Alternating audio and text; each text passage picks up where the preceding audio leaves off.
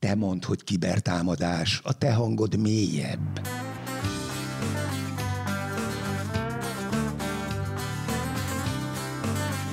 Ez itt a Nemzetbiztonsági Szakszolgálat Nemzeti Kibervédelmi Intézet kiberbiztonsági podcastje.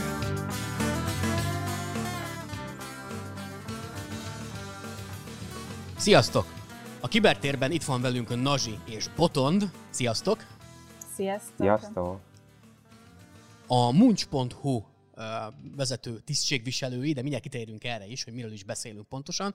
És itt van velem Tamás, állandó műsorvezető társam. Szia Tomi! Szia! Én pedig Oliver vagyok a kibertéren kívüli. Üdv mindenkinek! A mai adásunk elsődleges témája az a környezetvédelem lesz, hiszen nem sokára a Föld napja eseményhez fogunk érkezni. Ez egy nemzetközi uh, esemény igazából, amely 1990-től van jelen Magyarországon, de igazság szerint 2009 óta tartozik az ENSZ nagy nemzetközi napjai közé, akkor nyilvánították a Föld napját a Föld napjává igazából. Egy nagyon fontos dolog ez az egész, ami, amit kommunikálni akar a, a Föld napja, az, hogy óvjuk a környezetet, óvjuk a klímát, fenntartható fejlődésben éljünk, környezettudatosan éljünk, és igenis tehetünk, mindenki tehet a, a Földért egy picikét, és hogyha teszünk egy picikét a Földért, akkor teszünk a holnapért, teszünk a klímáért. Ez úgy fog csatlakozni a Nemzetbiztonsági Szakszolgálatnak a tevékenységéhez is, hogy a, az NBS elkötelezett, elkötelezettje a fenntartható fejlődésnek és a környezettudatosságnak, hiszen nagyon sok mindent teszünk annak érdekében céges szinten és személyi szinten a cégen belül, hogy jobbá tegyük a környezetünket, hogy másnak mondjak, a szakszolgálat szeretné 2025-re már sokat említve elérni a karbonsemlegességet. Erről egy korábbi podcastben a Nemzetbiztonsági Főigazgató, Nemzetbiztonsági Szakszolgálat főigazgatójával már beszélgettünk, és nagyon-nagyon jól kibontottuk ezt a témát is. Na de hogyan csatlakozik ide a, a mostani beszélgető partnerünk, vagy partnereink? Igazából úgy, hogy a, a központi témája a mai, mai, mai beszélgetésünknek, vagy a központi témájáról a mai beszélgetésünknek egy olyan startupot választottunk, akik az egyik legjelentősebb környezeti probléma az ételpazarlás kapcsán frappánsan bizonyítják, hogy úgy is tehetünk a környezet védelméért, hogy közben hogy az, hogy az mindenkinek megérje pénzügyelek igazából, de hogy miről is van szó, azt mindjárt ki fogják fejteni a, a meghívott vendégeink bátran fordulok bármelyik kötőköz igazából, Nazsi és Botont, hogy kicsit meséljetek, légy szíves magatokról, kik is vagytok ti, honnan jöttetek, mivel foglalkoztatok korábban, illetve mi az a muncs, milyen háttérrel rendelkezik a cég, milyen háttérrel rendelkeztek ti, és, és egy kicsit erről az egész vállalkozásról is beszéljetek, légy szíves. Sziasztok! Először is köszönjük szépen a, a, a meghívást. Én, én Zsoldos Boton vagyok a, a Muncs négy társalapítója közül, és én felelek a, a, az IT-ért és a pénzügyért itt a, a cégen belül. Sziasztok! Én uh, Nazsi vagyok, és a Muncson belül én vagyok a PR manager, illetve a kutatásokért, meg a pályázatokért uh, felelős személy. És itt, uh, itt röviden bemutatnám egyébként a, a, a többi alapítót is, ugye Perepelica Kirill és Wechstein Albert volt a, a, a Perepelica Kirill, ő felelős a, a szélszért, és Albert felel a, a marketingért a csapaton belül, és Zwecker Bence a negyedik alapító tagunk, aki az Muncson belüli operációkért felel. Szuper! És mi is az a Munch? Egy kicsit most erről, hogyha...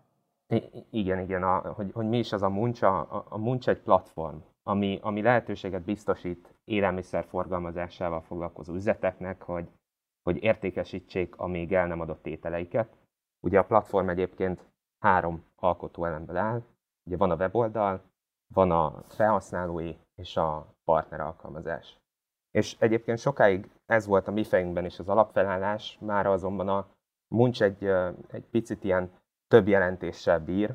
Ugye egy felhasználó szemében egy ilyen szokássá, egy tevékenységi változott.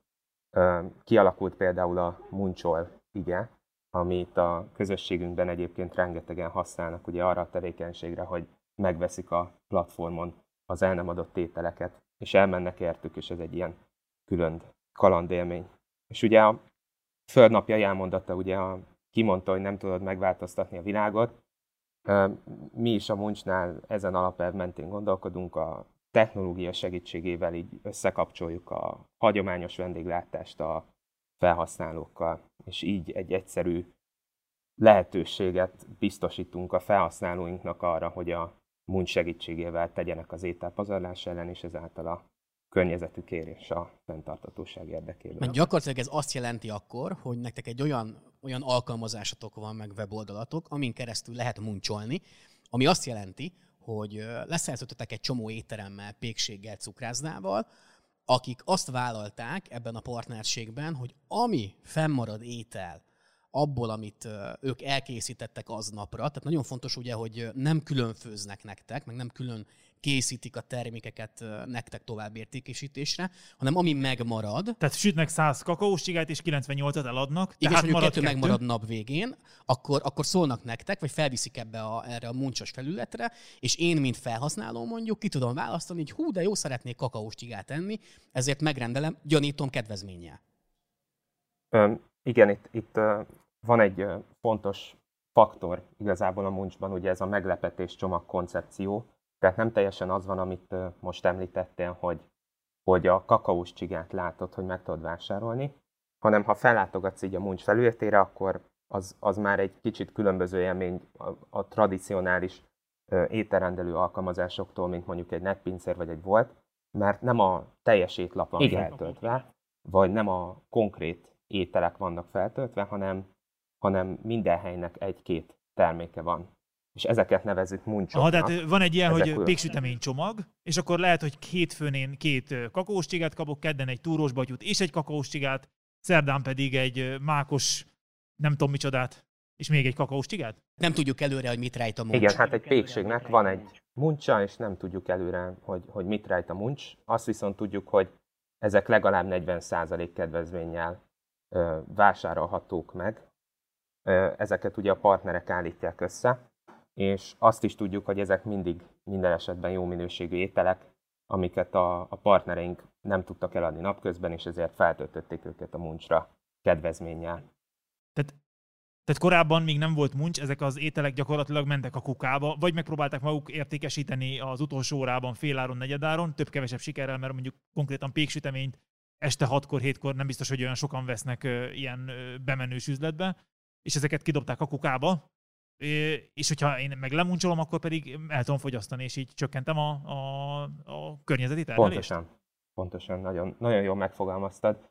Én egyébként a, a régi gimnázium melletti pékségben szembesültem először ezzel, hogy a, hogy a tulajdonossal nagyon jóba voltunk, és beszéltünk egy csomót, és, és tényleg nap mint nap láttam, hogy zacskó számra vagy ugye elajándékozza, ami, ami nagyon jó dolog, de amikor nem tudta elajándékozni, akkor zacskó számra kellett kidobnia a még tökértékes ételt, amit egyébként napközben 1000-1500 forintért vesznek meg az emberek. Mondjuk kenyerek mentek egyből a, a kukába a nap végén, mert nem tudta egyszerűen értékesíteni.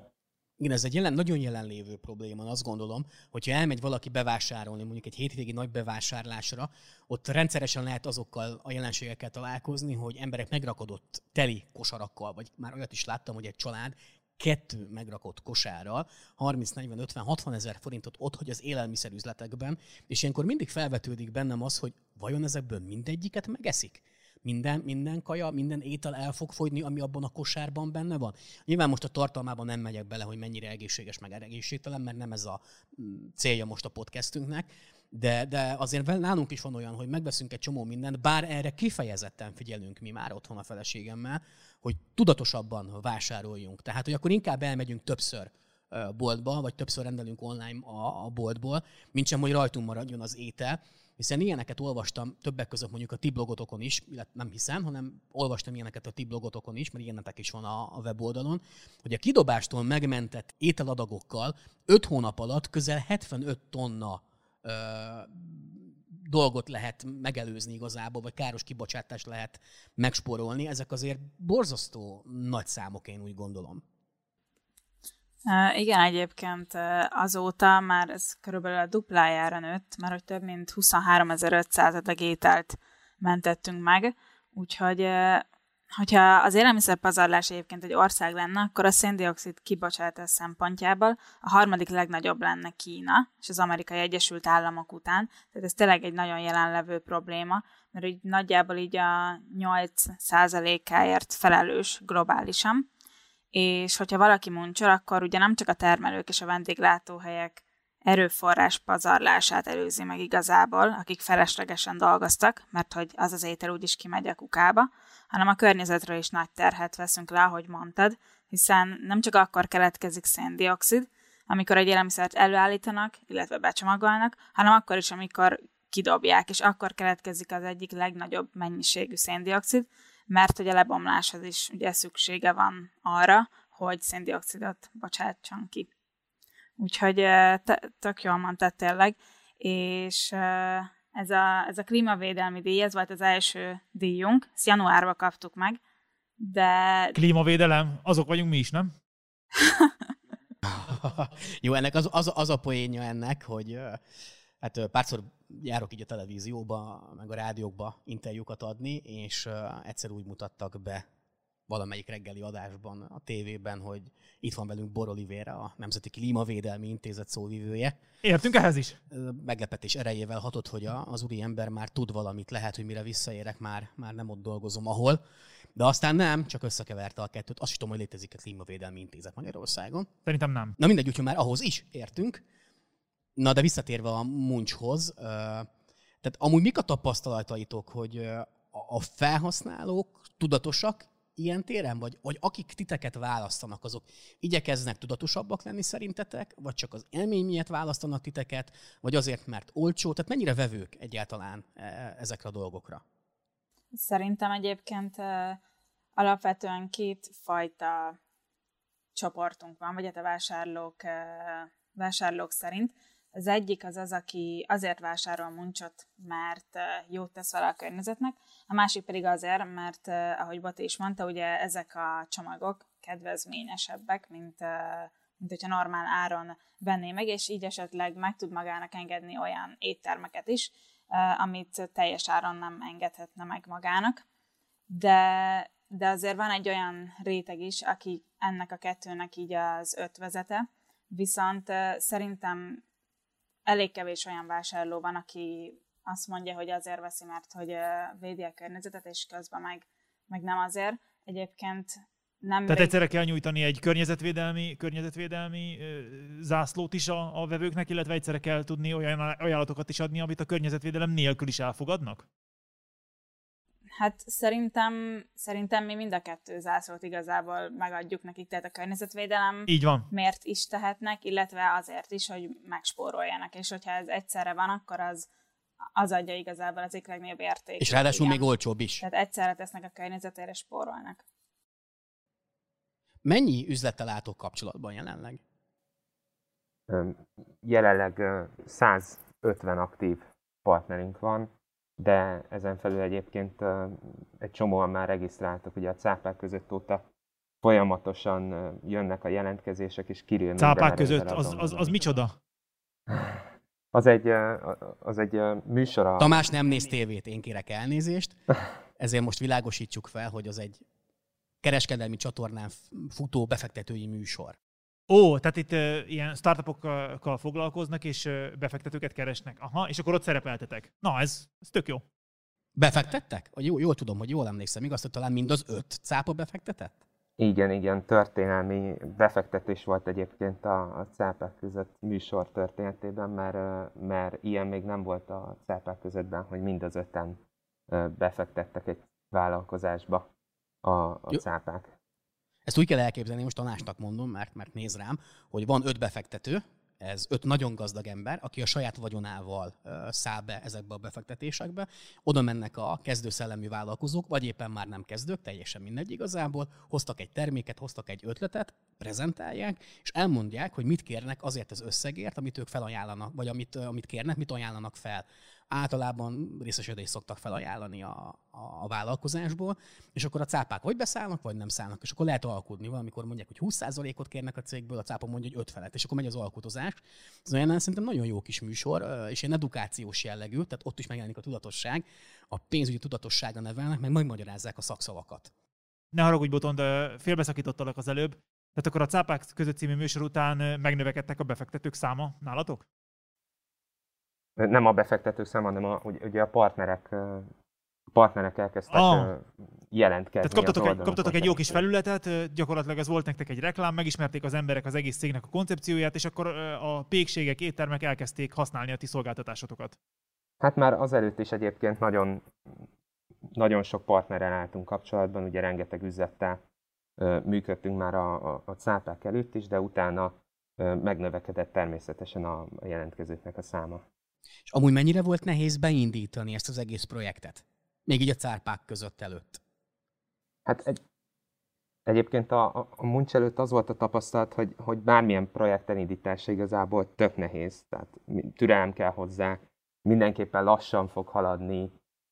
Vegyünk például egy iskolai projektet, ott, ott ugye mindig az van, hogy, hogy nem indul be a projekt, hanem mindent az utolsó pillanatban határi, határidő előtt csinálunk meg. Mindig ezt is próbálják egyébként tanítani nekünk, hogy először tanuljunk, végezzük el az egyetemet, készítsünk üzleti tervet, és utána mehet majd a munka. Én egyébként sosem kedveltem ezt a hozzáállást, viszont a muncs előtt sosem tapasztaltam, hogy, hogy, hogy ez máshogy lenne a világban. És amikor találkoztam Kirillel, egy egyetemi óra keretein belül, majd később Bencével és Albertel, tényleg gyökeresen megváltozott a projektekre alkotott képen, mert Albert az első nap, amikor találkoztunk, elmentünk egy még alig-alig működő alkalmazással a Király utcai török étterembe, aki azóta már egyébként a partnerünk is, ahol Albert egyből elkezdte szélszelni, meg bemutatni az alkalmazást. Én egyből elkezdtem a, az előző projektemből meglévő rendszer muncsosítását, Kirill és Bence már másnap hozzálátott a sales folyamatoknak a kialakításához. Szóval, szóval egyébként így utólag visszanézve a, a csapatnak köszönhetően talán nem volt, nem volt annyira nehéz. Akkor nehéznek tűnt, de utólag visszatekintve egyszerűbb volt, mint bármelyik másik eddigi projekt, amin, amin dolgoztam. Mit tanultatok amúgy, vagy mit tanultatok, vagy tanultok az egyetemen? Szerintem a Munch csapatnak nagyjából a 85%-a a Corvinus Egyetemről jött, Engéről, nemzetközi gazdálkodásra, úgyhogy a csapat elég nagy része gazdálkodási területen végzi a tanulmányait. Ez egy, tehát ez, egy, ez egy applikáció, illetve gondolom egy weboldal, tehát ide komoly fejlesztési potenciál is szükséges ezeknek a dolgoknak a lefejlesztéséhez. Igen, igen, ezért is kérdeztem, hogy ti ez, ehhez értetek, vagy, vagy a fejlesztést hogy oldottátok meg? Hát a, a, a fejlesztés az, az, az igazából úgy indult, hogy, hogy mielőtt elkezdtük ezt az egész muncsot, én, én két jó barátommal így fél három évig dolgoztunk egy startupon, aminek a neve idesüs volt, és az volt a lényege, hogy a koronavírus alatt egy internetes értékesítésre alkalmas felület nélkül maradt pékségeknek, cukrászdáknak adtunk volna egy platformot a lehetőséget a termékeik eladására, és ez a Munchhoz hasonlóan egy több szereplős piactér. A projekt nem működött, viszont ugye nem jöttek a, terme- nem jöttek a rendelések, viszont maga a termék az, az jól működött. És, és igazából ezt a terméket hoztam át a, a Munchba, és ezt alakítottuk át Munchosra. Ez egy weboldal volt, egy sima többszereplős piactér, és ezzel teszteltük le tulajdonképpen a Munchnak a koncepcióját. És amikor láttuk, hogy erre van kereslet, akkor, akkor készítettünk rá egy, egy felhasználói alkalmazást, majd később egy, később egy partner alkalmazást, amin, ugye, amin keresztül ugye a partnerek tudják kezelni a készleteket. És gondolom multiplatform, tehát minden létező platformra működik. Ugye ezek az applikációk, illetve a webes világ az nagyon veszélyes. Erre figyeltetek, amikor az alkalmazást fejlesztettétek? Tehát ugye, ugye védjük a bemeneteinket, nagy terhelés alatt is kell, hogy működjenek az oldalak, és számos kihívás keletkezik egy ilyen, egy ilyen, egy ilyen alkalommal, üzemeltetési kihívástól elkezdve IT security kihíváson is át. Nektek ezzel kapcsolatban van valamilyen tapasztalatotok? Persze, egyébként ezért, volt, ezért is volt jó egyébként, hogy, hogy amikor az Albertékkel találkoztunk, mert valamilyen szinten találkoztunk ezekkel a hibákkal. Például Például, hogy a, hogy a terhelést mindig bírni kell.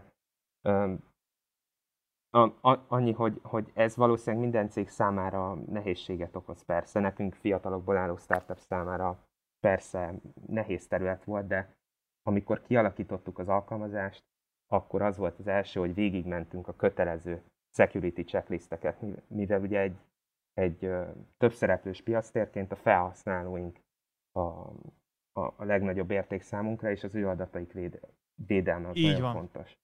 És, és ezért muszáj volt egyébként kialakítani egy rendszert, aminek a keretein belül meg tudjuk védeni ezeket az adatokat. Tehát akkor ti külön építettetek egy réteget az alkalmazáshoz, amivel a felhasználói adatokat véditek. Nos, a, az alkalmazás maga egyébként úgy működik, hogy ugye van egy weboldal, és gyakorlatilag ez szolgálja ki a két alkalmazást, és mi a weboldalon már kiépítettünk egy védelmi réteget, ugye van tűzfalunk, van brute force védelmünk, és akkor, és akkor ezen kívül ugye a, a szerver pedig az teljes mértékben védve van, erről pedig a, a szolgáltatónk gondoskodik. Voltam úgy már biztonsági incidensetek, amióta üzemeltek és működik a vállalkozás? Szerencsére nem. Mi egy olyan dolgot próbáltunk csinálni, vagy próbálunk csinálni, ami ugye mindenkinek és mindennek jó. Ezért reméljük, hogy nem is lesz ilyen. Voltak... Nézd a, nézd, a kórházakban is ilyen munka folyik, ott azért törekszenek arra, hogy mindenkinek jó legyen, mégis azért a zsarolóvírus támadások eléggé célkeresztbe hozták a kórházakat az elmúlt egy-másfél évben. Igen, és ezekre jó felkészülni szerintem, tehát jobb, jobb félni, mint megijedni. Ez csak egy ilyen nagyon jó tanácsként javasoljuk. De, de hát biztos erre is gondoltatok, gondolom én, vannak mindenfajta, ugye felsoroltat, hogy milyen, milyen biztonsági megoldásokkal éltek most de, de tényleg a, amúgy nagyon sokszor kapom meg, bocs, egy kis kitekintés ismételten, amikor a közösségi médiában kiteszünk valamilyen tudatosító anyagot, akkor nagyon sokan kommentelik azt, hogy ugyan már az én adataim kinek lennének fontosak. És nem győzzük elégszer hangsúlyozni, hogy higgyétek el, minden adat mindenkinek, minden, minden bűnözőnek fontos lehet, ami, ami kering, kering az online térben igazából. Tehát lehet, hogy én azt gondolom magamról, hogy egy jelentéktelen kis senki vagyok, és amúgy sincsen semmi, amit el tudnak lopni tőlem, akkor is, akkor is el kell hinni azt, hogy már pedig egy adat, és a sok adat az értékes lehet, és én ezt gondolom, hogy ez a vállalkozásokra is igaz tud lenni, még akkor is, hogyha nagyon jól célt szolgál egy-egy, egy-egy vállalkozás, egy-egy startup. Igen, igen, ezért is mondtam, hogy, hogy már az elejétől fogva erre készültünk. Tehát, hogy a, hogy, és amúgy voltak próbálkozások, persze, a, vannak ilyen statisztikáink, hogy, hogy 4500 körüli rossz szándékú bejelentkezést blokkoltunk. Ugye szűrni kell folyamatosan a, a kommenteket, mert egy csomó ö, spam található bennük. Egyelőre erre egy, egy elég jól kialakított rendszerünk van, ami, aminek szerencsére, tehát hogy nem történt még, még betörés egyszer sem. És azon gondolkodtam, hogyha ők kvázi ilyen nem is tudom, hogy online piactérként működik-e a muncs, így fogalom, hogy ügy, ügyfeleink közé tartozhat adott esetben? Elképzelhető. Mert hogy ugye az IBTV alapján az online piaszterek is bejelentéskötelezett szolgáltatók. Más, a... más törvények alapján az online piaszterek, de igen. Más törvények? Igen. Ezért vagy te itt a kibertéren belüli. Te kibertéren belüli, csak nem jogász. Majd Aha. mindjárt meghívunk egy jogászt is, és ő elmondja. De az, az online piaszterek, igen, azok az NK ügyfelei. Uh-huh. Nem, a, nem, az, nem az IBTV alapján, hanem a elkereskedelmi törvény, azt hiszem az Aha. elkereskedelmi törvény alapján. Tehát elképzelhető, hogy ti az NK ügyfelei vagytok. Ezt egyébként meg kell vizsgálni. Igen, az azt jelenti, hogy ha az NK ügyfelei vagytok ilyen szempontból, akkor a biztonsági incidens be kell jelenteni a Nemzeti Kibervédelmi Intézethez, és akkor azt mi kivizsgáljuk. Igen, de mivel nem történt még biztonsági incidens, nem volt mit bejelenteni. Ezt örömmel halljuk. Ugye a webes világ az egy, ez egy fura világ, és tényleg, ahogy mondtad, 4500 bejelentkezési kísérlet, ez így nem, nem igazán mond szerintem a, a laikus a felhasználónak semmit. Azt viszont érdemes megemlíteni, hogyha kiteszünk egy weboldalt a világba, gondolom ezt tapasztaltátok ti is, de majd megerősítesz, hogy kitesztek egy weboldalt a világba, útjára indítjátok, és gyakorlatilag perceken belül rátalálnak a támadók ezekre az oldalakra, elkezdik a, a bejelentkezési felületet kipörgetni, felhasználónév jelszópárosokkal próbálkozni, esetleg különböző támadási mintákat megvalósítani, például adatbázis, adatbázis törést végrehajtani Escol injection technológiával. Ezek azért, ezek azért nagyon veszélyes dolgok, és egyébként a, időnként a nemzetközi szervezetek felmérik azt, hogy milyen, milyen veszélyek vannak a kibertérben, illetve mik azok a, mik azok a támadásformák, amik a leginkább, amik leginkább lehet találkozni, és, a, és ez a webes világ, ez folyamatosan az élen van, és, és a, a különböző mobil applikációk, illetve a mobil applikációk mögött lévő apik, tehát a programozói interfészek pedig folyamatosan jönnek föl. Ugyanis ezeken az apikon keresztül ugyanolyan támadási mintákat lehet megvalósítani, mint magukon a weboldalakon keresztül, és e, ez rendkívül veszélyessé teszi. Annyit lehet ezzel kapcsolatban elmondani, hogy egy jól felkészült ilyen szervezet, vagy egy jól felkészült csapat, az vagy saját erőforrásból biztonsági teszteléseket végez, vagy pedig egy külső céget meg tud ezzel bízni, és így tudja tesztelni a különböző sérülékenységi faktorokat az adott rendszerben. Mivel ti föl vagytok jól készülve, ezért élek a gyanúpárral, hogy nálatok ez volt, és ti végeztetek ilyen vizsgálatokat az applikáció életisítése előtt, tehát ráengedtetek akár saját belső erőforrásból, vagy pedig külső erőforrásból kvázi hackereket, etikus hackereket, akik egy kicsit megnézték ezt az alkalmazást.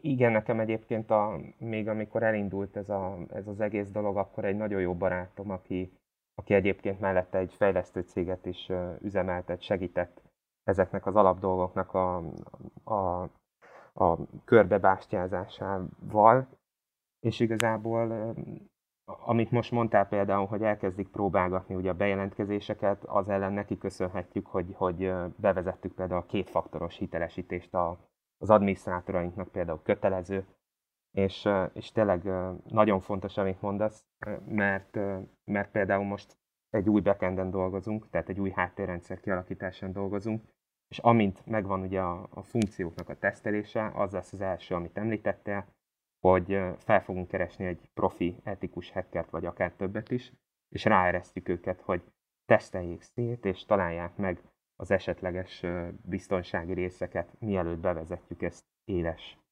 weboldalon. Bárcsak mindenki ilyen kibertudatos lenne, mint ahogy ti voltatok. Egyébként nem, a ti méretű cégeteknél is már láttam rá példát, hogy úgynevezett bug bounty programot hirdetnek, ami azt jelenti, hogy ha valaki talál egy hibát a, már élesen működő weboldalon, akkor van egy, van egy interfész, egy, egy, egy e-mail cím, vagy valamilyen elérhetőség, ami, ahova ezt a hibát be tudja küldeni, és hogyha ez a hiba valid, tehát vissza lehet igazolni, ténylegesen működik, tehát egy, egy, egy beviteli mezőbe speciálisan formázott karaktereket beküldve valami kis huncutságot lehet csinálni, akkor esetleg akkor esetleg valamilyen ellentételezést adni ennek az embernek, aki ugye kvázi becsületesen bejelentette ezt a hibát, ennek van jó oldala is, meg rossz oldala is, most ebben nem menjünk bele, hogy ezt boncolgassuk, mert a Bug Bounty ez egy önálló, egy önálló adás. Egyébként ilyesmi, ilyesmi hibavadász programokban gondolkodtok? Igen, egyébként, és, a, és ha bárki ilyesmit talál esetleg a Munch felületén, akkor a datasecurity.munch.hu e-mail címre tud nekünk írni, és, és mi tényleg megháláljuk ezt. Nagyon, nagyon örülnék neki, hogyha, hogyha ezeket nem kihasználnák, hanem beküldenék. Abszolút, abszolút. Mi is erre kapacitálunk mindenkit. Erről már többször beszéltünk több adásban, hogy mi különbözteti meg ugye az etikus hackert a hackertől. Nagyon fontos tényleg, hogy ha valaki ilyet talál, és ezt megnézi, ezt az oldalt, vagy az alkalmazást, akkor az ne éljen vissza. Most szépen kérek tényleg mindenkit, hanem a srácokat támogassák. Ha már van tényleg egy e-mail címük is erre vonatkozóan, ha tényleg ennyire komolyan vették, a környezetért is tesznek, akkor, akkor ne, ne tegyünk ellenük, hanem segítsük az ő munkájukat. Mert az is, az is eszembe jutott, hogy nem tudom mennyire hallottatok mostanában olyan eseményekről, hogy a különféle ilyen adathalász támadásoknak, meg akár mindenfajta kártékony kód terjesztéseknek az a, az, az egyik kifinomultabb létjogosultsága a kiberbűnözői szempontból, amikor úgy követnek el egy-egy kiberbiztonsági incidenst a bűnözők, hogy lemásolnak márkákat, jól bevett márkákat. Legutóbb a Flubot nevezetű káros kód kapcsán egy-két ilyen nagyon-nagyon nagy nemzetközi szállítmányozó cégnek a nevét használták fel. Hallottam egy tök jó podcast adást erről. Igen, igen, igen, én is hallottam. Hál' Istennek nagyon sokan hallották, úgyhogy, de ha nem hallottátok, akkor hallgassátok meg újra, vagy nem, olyan nincs. Ha nem hallottátok, akkor hallgassátok meg. Ha meg, ha meg nagyon meg szeretnétek, akkor hallgassátok meg újra. Igen. Tehát itt arról van szó, ugyebár, hogy a káros kód az SMS-en keresztül jött a, a telefonunkra, rákattítottál egy linkre, ami SMS-ben jött, és akkor azon a linken keresztül elért, eljutottál egy weboldalra, ahol letöltöttél egy applikációt, le, le, le arra akartak rávenni, hogy letöltse egy applikációt, ami a nemzetközi fuvarozó cégnek a, az applikációja volt, látszólag. Tehát, hogy így másolták le igazából a, ezt a céget, de szokott ilyen lenni például Netflixnek a, a nevében is rendszeresen követnek el ilyen biztonsági eseményeket, incidenseket, hogy azt hiheti az emberke, hogy a Netflixnek az applikációján van rajta, vagy a weboldalán, de közben nem, hanem káros kódokat rejtenek el az applikációban, vagy a, vagy a weboldalban, és hogyha kattint az ember, vagy letölt valamit, vagy megadja az adatait, akkor már is, már is rossz helyre kerülhet a pénze vagy az adata. Úgyhogy én nem mondom, hogy ilyennel kell számolni a muncsnak, de, de nyilvánvalóan minél népszerűbb lesz egy alkalmazás, minél népszerűbb lesz egy platform, annál inkább kitett lesz a veszélyeknek is. És ti eléggé, és ti eléggé jó, jó célokat szolgáltatok, ami, ami sikerre predestinál benneteket. Egyébként tapasztaltatok már ilyet, amit Oliver mondott, hogy valamilyen módon visszaéltek a nevetekkel? Gonosz, rossz szándékú emberek? Akár social médiában, vagy bárhol. Én nem feltétlenül ennyire szofisztikáltam, mint a flubot, hanem annál azért ö, gyengébb minőségű csalásokra is lehet esetleg találkozni. Nem. Igazából én, én személy szerint nem. Nazsi, nem tudom, hogy social médiában volt-e ehhez hasonló Nem, mi még nem találkoztunk se Facebookon, se Instagramon, sehol. Úgyhogy szerencsére. Az egy nagyon szerencsés helyzet. Igen, igen, az a szerencsés helyzet, mert a trollokat még talán könnyebb orvosolni, meg, meg moderálni egy kicsikét, vagy elrejteni a hozzászólást, vagy a moderációs elveket betartatni. De amikor mondjuk valakinek a nevében létrehoznak egy oldalt, vagy feltúrik a fiókját, az már, az már gázabb egy kicsikét. De itt haladunk előre az időben, egy kicsikét térjünk vissza még a fenntartható fejlődésre, meg a környezettudatosságra. Nagyon sok helyen lehet veletek kapcsolatosan cikkeket olvasni. Én a Forbes-nak az egyik cikkét olvastam. Nagyon sok helyen elmondtátok, hogy nektek fontos a környezettudatosság, ugye erről már beszéltünk az adás elején, és hogy gyakorlatilag ez is motiválta a létrejöttét a vállalkozásnak. Kimásoltam magamnak egy idézetet, amely valamelyik kötöktől hangzott el, hogy ma már nem csak a profit maximalizáció, profit maximalizáló üzletek korát éljük, hanem minden vállalkozásnál fontos, hogy a hármas fenntarthatóság, tehát a gazdasági, szociális és környezeti fenntarthatóság is megjelenjen. Honnan gyökerezik? Miből gyökerezik ez nálatok, ez a fajta tudatosság? Igen, itt, itt tényleg nagyon fontos kiemelni, hogy a, a muncs nem kizárólag a környezetbarátság mellett kötelezte magát, hanem annál egy picit összetettebben fogalmazzuk meg a, a cégünk vízióját, és olyan értéket vagy értékeket szeretnénk teremteni, ami, ami nem csupán a környezetnek jó, gondolok itt arra, hogy a muncs csökkenti a kidobott étel mennyiségét, ezáltal nem megy kárba az ételek előállítása során felhasznált alapanyag vagy energia, hanem ugye van egy társadalmi és szociális és gazdasági fenntarthatóság aspektusa is a történetnek. A szociális fenntarthatóság körébe tartozik az, hogy a muncson keresztül olyan emberek jutnak kitűnő minőségű ételekhez, akik általában ezt nem engedhetik meg maguknak. Volt közös projektünk a, a Máltai Szeretett Szolgálattal, aminek a keretein belül a központjuknál osztottunk ételt, ételt rászoruló embereknek. Aktív együttműködésben vagyunk a, a Magyar Élelmiszerbank Egyesülettel. A, a gazdasági fenntartatósághoz pedig hozzátartozik az, hogyha egy partnerünk ugye csatlakozik a muncs ökoszisztémához, az neki pénzügyileg is megéri. Hiszen nem a kukába dobja az ételt, nem kell elvitetnie pénzért, hanem vissza tudja termelni a tervezett eladási ár egy bizonyos részét, így csökkentve a veszteségeit. Vagy esetleg még akár nyereséget is termel. Azért hát, ki ezt a hát lehetőséget. Hát ugye ez partnerfüggő, hogy hogy, hogy határozza meg a, a, a termékének az értékét. És hogy, és hogy honnan ered, ez, ez szerintem egyrészt biztosan nevelés kérdése. Tehát mindannyiunkat úgy tanítottak a szüleink és a tanáraink, hogy becsüljük meg azt, ami van, és ne vegyünk semmit sem garantálnak. És talán kijelenthetjük, hogy a, a pazarlás a fogyasztói társadalom egyik legnagyobb bűne, mindenből minél többet szeretnénk felhamozni, mindig a legfrissebb és mindig a legjobb dolog kell az elérhető termékekből, és így van ez az étellel is. Tehát mindig megtöltjük a hűtőnket, mindig a nagy menüt választjuk, nem is gondolva arra, hogy mennyi pénzt, energiát és erőforrást takaríthatnánk meg azzal, hogyha jobban meggondoljuk a vásárlásainkat. És az a Moon csapaton belül szerintem ezt, ezt, ezt mindenki felismerte így viszonylag fiatalom, tanulta, és ezért tudunk egy olyan ütőképes csapatot tényleg létrehozni, aminek a tagjai családi, politikai, képzettségi háttértől függetlenül be tudtak állni egy közös cél mögé, ami tényleg ez a, ennek a hármas fenntartatóságnak a, a megvalósítása. Engedjetek meg egy kicsit személyesebb jellegű kérdést. Ti muncsoltok? Igen, és egyébként én például tejfehér érzékeny vagyok, úgyhogy nem, nem mindig egyszerű jó helyet választanom, de a muncsban tökre elérhetőek például gluténérzékenyeknek is, vegánoknak, vegáknak, laktózérzékenyeknek is vannak muncsok, úgyhogy mindenkinek ajánlom. Tudok erre szűrni kell esetleg? Attól... Tehát vannak ilyen szűrési lehetőségek, hogy mondjuk ki akarom választani, hogy nem szeretnék húsétel, csak pékterméket, azon belül is mondjuk laktózérzékeny vagyok, tehát hogy erre esetleg alkalmas az alkalmazás? Igen, vannak ilyen szűrők. Ez tök jó, mert akkor már is, tehát egyrészt spórolok időt magamnak, ezzel az egésszel, és, és tudatosabban tudom kiválasztani az ételemet is, illetve egy nagy lehetőség tényleg a, a mai világban nagyon sok ember küzd ilyen jellegű problémákkal, és akkor nincs behatárolva az ember, hogy jó, akkor mit tudom, én csak sztéket tudok rendelni. Igen, de egyébként arra is lehetőség van, hogyha tegyük fel, nincsen éppen akkor uh, vega muncs, akkor az is lehet, hogy lefoglalunk egy normálisat, és akkor írunk az étteremnek, hogy hogy van-e még olyan étel, amit ugye vegák is tudnak enni, és azért most már az éttermek nagy része, még hogyha nem is a vegákra van specializálva, azért gyártanak ugye vega ételeket is, és lehet választani is. Kicsit azért ez lehetne elterjedtebb is nekem ez a tapasztalatom, de jó irányba, jó irányba haladunk, igen. A blogotokon olvastam amúgy még egy olyan cikket is, hogy vegyél hazait és védd a környezetet hogy ezt ti mennyire tartjátok fontosnak, hogy, hogy véd, a környezetvédelem mellett a hazai termékeket kínáljuk, illetve fogyasszuk meg. Mi az összekapcsolódás? Hol van az összefonódási pont a kettő kijelentés között? Itt akkor egy pár szót azért mondanék a blogról, hogy miért van blogja egyáltalán így a, a Muncsnak.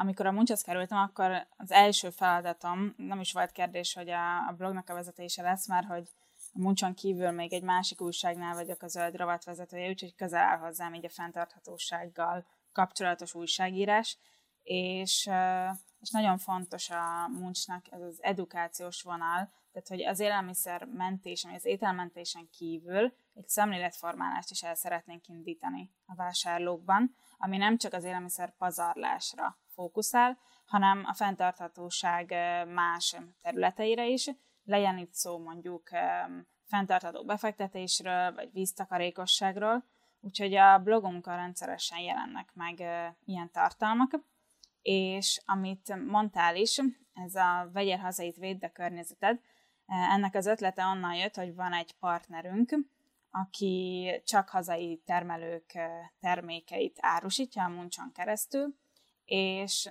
és nagyon fontosnak tartottuk, hogy ezt is egy kicsit így behozzuk a vásárlók látóterébe, mert hogy az ökológiai gazdálkodás, az, ami ebben a cikkben is szerepel, az ugye azt jelenti, hogy a termelő és a föld egy közös összhangban dolgozik igazából együtt, és a termelő nem akarja kizsákmányolni a földet, hanem visszaadja neki azt, amit tőle kapott. És így több száz éven keresztül tudnak együtt dolgozni. Ebben ellentétben, hogyha mondjuk gondolunk egy nagy vállalatra, aki mondjuk bútorokat gyárt, és kivág több száz hektár erdőt, utána abból megcsinálja a széket, az asztalt, mindenféle bútort, eladja, és utána nem, nem ahelyett, hogy ültetne újabb fákat, el, elmegy egy másik területre, és ugyanott, tehát ott is kivágja a fákat, és így folyamatosan szűnik meg a, igazából a földnek az erdőborítottsága. Tehát, hogy ez csak egy konkrét példa volt, de hogy az ökológiai gazdálkodás pedig ezt szeretné megelőzni, hogy igazából elfogyjanak az értékes földek, az értékes környezeti erőforrások. És ugye a helyi termelők is ezért értékesek számunkra, meg a környezet számára is, mert hogy ők tisztelik a környezeti erőforrásokat, és egy, és egy kölcsönös jó kapcsolatot, fenntartható kapcsolatot szeretnének kialakítani. Érdekes, mikor elkezdted mondani, én azt gondoltam, hogy azért érdekes, ez teljesen új aspektus volt számomra, vagy nem teljesen új, de egy, nekem az jutott eszembe, hogy azért érdemes a helyit támogatni, mert hogy egyszerűen közelebbről odahozzák az árut nekem, és ugyanarra, ugyanabban, a, ugyanabban a szférában adok, amiből utána elveszek. Részben ezt is érintette, de ez érdekes, köszönöm szépen. Oda hát, viszik amúgy az... Igen, bocsánat. Ja, nem csak, hogy, hogyha ugye belegondolunk, aki itthon termel, hogyha egyszer kihasználja a földet, akkor nem tud arrébb menni. Tehát, hogy ugye megvan neki adva egy bizonyos környezeti erőforrás, amit ott helyben tud használni, és éppen ezért hazai, mert hogy folyamatosan azt, ugyanazt az erőforrást ugyanazon a helyen használja, és nincsen lehetősége arra, hogy akkor jó, azt már kizsákmányoltam, akkor arrébb megyek, és egy másik területen ugyanezt megcsinálom. És amúgy a, a muncsokat, azokat házhoz szállítjátok, vagy ezekért minden esetben be kell menni? Az étterembe, pékségbe, bárhova cukrászdába? Itt minden esetben be kell menni a, az étterembe. Egyébként, amikor az első, vagy pontosabban a másik lezárás volt, akkor ez nagy dilemma volt a csapatban, hogy legyen neki szállítás, vagy nem, de végül úgy döntöttünk, hogy nem lesz. És ez az egyik oka ennek ugye a környezeti hatás volt, mert hogy amikor kiszállítják az, é- az ételeket, ugye ahhoz is benzin kell, meg plusz csomagolás. Ha csak nem elektromos viszont... autóval mész, és környezetbarát csomagolást használsz. Hát igen, de most már igen. Viszont most, hogyha bemész egy muncsoló helyre, akkor 80%-ba lehet vinni magaddal saját dobozt, úgyhogy nem kell még környezetbarát csomagolást sem használni. De egyébként a, köz, hát a jövőben szeretnénk majd egy olyan funkciót is berakni, ami a csomagolásokra fog vonatkozni, tehát lehet majd választani környezetbarát csomagolást is. Tök jó, és ha már itt tartunk, hogy a, a jövő meg a jövőkép, mik így a távlati meg a közeljövőben megvalósítandó céljaitok? Én akkor így a marketing részéről tudok mondani. Az egyik az, az egy olyan dolog, amin már hónapok óta dolgozunk, ez az e-mail marketing. Nagyon macerás volt egyébként felállítani ezt a rendszert, de most már úgy látszik, hogy megtaláltuk a megfelelő rendszert, és a megfelelő tartalmat, amit szeretnénk közvetíteni így a vásárlóknak, és szerintem itt fontos megjegyezni, hogy az e-mail marketingem én mondjuk nem, nem csak a növel, az eladások növelését szeretnénk elérni, hanem azt is, hogy egy értékes tartalmat kapjanak a vásárlók, például cikkeket ugye a blogról, vagy társadalmi célral kitűzött, nem tudom, projekteket, és ezen kívül ugye még a muncsal kapcsolatos legfrissebb híreket is abba fogjuk belerakni. A másik cél pedig 2021 második felébe szeretnénk egy ilyen gamification programot elindítani, aminek az lenne a lényege, hogy minél játékosabban lehessen ételt menteni, és ezen kívül egy egy-egy ember tudja követni a saját fenntarthatósággal kapcsolatos fejlődését. Igazából. Tehát a pontokat gyűjtünk. Igen, igen, lehetne majd ilyen És én leszek a muncs király, igen, én arany, aranyfokozatú muncs király leszek? Hát, hogyha sokat, hogyha sokat muncsolsz, akkor igen. Ha? Uh, úgyhogy igen, majd ilyen becseket lehet szerezni, és, uh, és szerintem ebben tényleg egy olyan plusz értéket adhatunk a, a muncsolóknak, amiért már nem lehet azt mondani, hogy nem, én nem fogok muncsolni. És így esetleg a, az IT kapcsán, meg így a kiberbiztonság kapcsán, vagy bármilyen más applikációfejlesztéssel. Jön az új backend? Uh, igen, és akkor, és akkor van pár ilyen uh, általános uh, muncél, ugye most jelenleg ott vagyunk uh, 50 ezer embernek a telefonján, ezt természetesen szeretnénk uh, minél jobban megnövelni, és Magyarországon minél jobban elterjeszteni a, az ételmentés hírét, és az, hogy ez, ez egy egyszerű dolog, és tényleg csak annyival tudsz tenni a környezetedért, hogy felmész és megveszel egy olyan ételadagot, amit más már nem vásárolna meg. És, és emellett fejlesztés terén ugye van az imént, vagy az előbb említett háttérrendszer fejlesztés, aminek a keretein belül egy sokkal gyorsabb és könnyebben fejleszthető biztonságosabb rendszert tudunk kifejleszteni. Ezután pedig a 2021 második negyedével, pár, negyedévében, vagy harmadik negyedévében párhuzamosan a gamification el fog indulni egy, egy frontend fejlesztés is, aminek ugye az lesz a lényege, hogy a felhasználók számára egy sokkal kellemesebb élményé tesszük a, a, a vásárlást ami még stratégiai jellegű Tehát folyamatos cél. fejlődés lesz. Igen, igen, igen, igen, igen. Ami, ami, ami még stratégiai jellegű cél, az ugye természetesen a, a, a muncs külföldi terjeszkedése itt a, itt a régión belül. Ami, ami egyébként 2021-ben már el fog kezdődni, és remélhetőleg meg is fog valósulni. Csak ezt addig nem akartuk elkezdeni, mármint az implementációs részét, amíg nincs mögöttünk egy, stabil informatikai háttérrendszer, ami egyébként a következő hónapban fog elkészülni, és akkor is fogjuk tesztelni. Itt a legvégéhez érkeztünk a műsornak, nekem már csak két kérdésem lenne a muncsra vonatkozó, mielőtt összefoglalnánk az egész dolgot, hogy hogy látjátok, hogy kik a célközönségeitek, vagy kik a célközönségetek, hogy ki használja leginkább a muncsotokat a fiatal felnőttek, egyetemisták, középiskolások, az idősebb senior korosztály, illetve hogy az applikáció maga fizetőse? Akkor a vásárlókról mondanék pár szót. Így az elején a muncsnak azt hittük, hogy a mikorosztályunk lesz a célcsoport, tehát így 18 és 26 között, de nagyon meglepő, hogy, hogy az idősebbek is nagyon szeretik használni a muncsot, tehát olyan 28 és 36 között nagyjából, és egyébként vidéken ez egyre jobban megy fel ez, a, ez az életkor, tehát vannak nagymamák, nagypapák is, akik használják a muncsot, és, és itt egy, egy kis történetet mondanék, hogy előző héten volt egy kutatásunk, ahol muncsfelhasználókkal beszélgettünk, és egy nagyon aranyos nagymama is köztük volt, és megkérdeztük, hogy miért szereti a muncsot, és akkor így azt válaszolta, hogy hát fiacskáim, mióta én a muncsot használom, én hirdetem az igét az ismerőseim között. Úgyhogy annyira jó tényleg, hogy minden korosztályra tudhatni a muncs, és minden korosztályt így történet. magával ragad, hogy szerintem ezt így nem lehet most már 8 hónap után így nagyon korlátok közé szorítani, hogy mi csak a 18-24-es korosztályra fókuszálunk. Oké, és akkor az applikációról mit lehet tudni, hogy ez fizetőse vagy sem? Hát a, Ezt én is tudom, hogy nem az, mert rajta van a telefonomon. Hoppá! Igen. Tehát teljes mértékben ingyenes a, a használata. És akkor igazából csak annyi az egész, hogy letöltött, megnyitott tényleg a közeledben lévő muncsokat mutatja először, kiírja, hogyha valami elérhető, vagy ha valami nem elérhető el, rákattintasz, és az alkalmazáson keresztül egyébként tök gyorsan ki is tudod fizetni.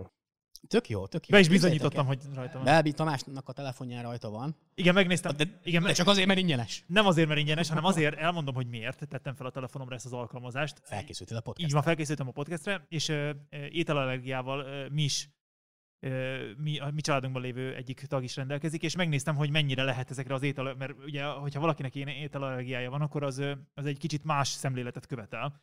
Megnéztem, hogy mennyire van felkészítve ez az alkalmazás az ételallergiáknak a különböző kezelésére is, és csak megerősíteni tudom, amit mondtatok, fel hogy fel van készítve. Így van. Pont ezt a sztorit akartam mesélni, hogy képzeljétek el, ezt a botonnak már mondtam telefonban, mielőtt adásba kerültünk, pár nappal ezelőtt, amikor beszéltünk, hogy amikor kitaláltuk mi itt a podcast csapattal, hogy muncsolni fogunk podcast ügyileg, és veletek szeretnénk beszélni. Podcast ügyi muncsolás. Ez a podcast ügyi, nem, muncsügyi podcast munkacsoport, volt, és, és volt, aki nem ismerte ezt az alkalmazást, és vagy ezt, az, ezt a weboldalt, meg ezt a céget, de és nagyon sok embernek elmondtuk amúgy itt az NK-in belül, és mindegyik, mindegyik személy rákattant.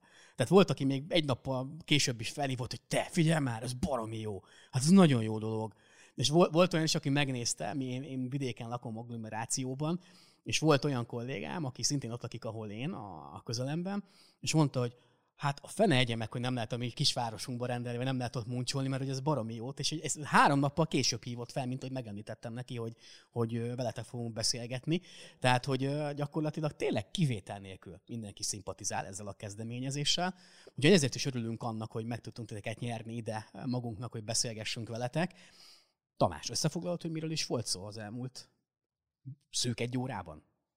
Távolról indultunk, de végül is nem, nem érkeztünk olyan nagyon távolra a Földnapi alkalmával beszélgettünk egy olyan magyar startuppal, aki zászlájára tűzte a környezetvédelem mellett az ételek megmentését is, ami egy nagyon-nagyon szép cél, tehát minél kevesebb ételt dobjunk ki a, és, a kukába, és ezeket az ételeket pedig fogyasszák el azok az emberek, akik ezt szeretnék és beszélgettünk az egész, az egész bizniszről, hogyan kell használni ezt az alkalmazást, mit, mit lehet vele csinálni. Beszélgettünk a kiberbiztonságról is. Megtudtuk, hogy ez az alkalmazás igen jól fel van készítve kiberbiztonsági szempontból, majd szóba került a, a kicsit a marketingje is ennek az egész, egész ökoszisztémának, illetve beszélgettünk arról, hogy, hogy milyen egyéb kísérő jelenségek is követik ezt az alkalmazást, tehát milyen cikkek, posztok, e-mailek mennek ki erről, ebből, ebből blogok mennek ki erről, ebből a kis műhelyből, amik, amik szintén ezt a célt,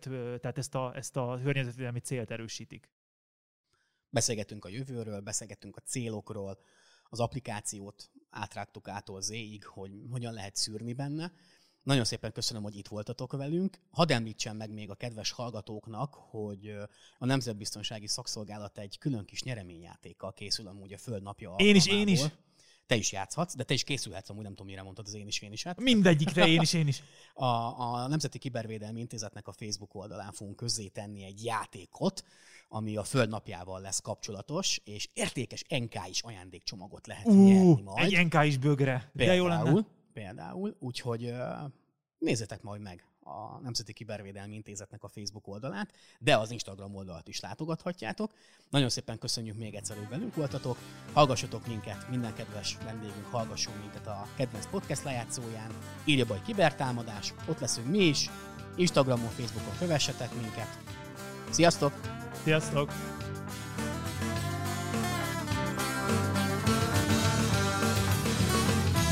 Te is mondtad kibertámadás és iratkozz fel a podcastünkre.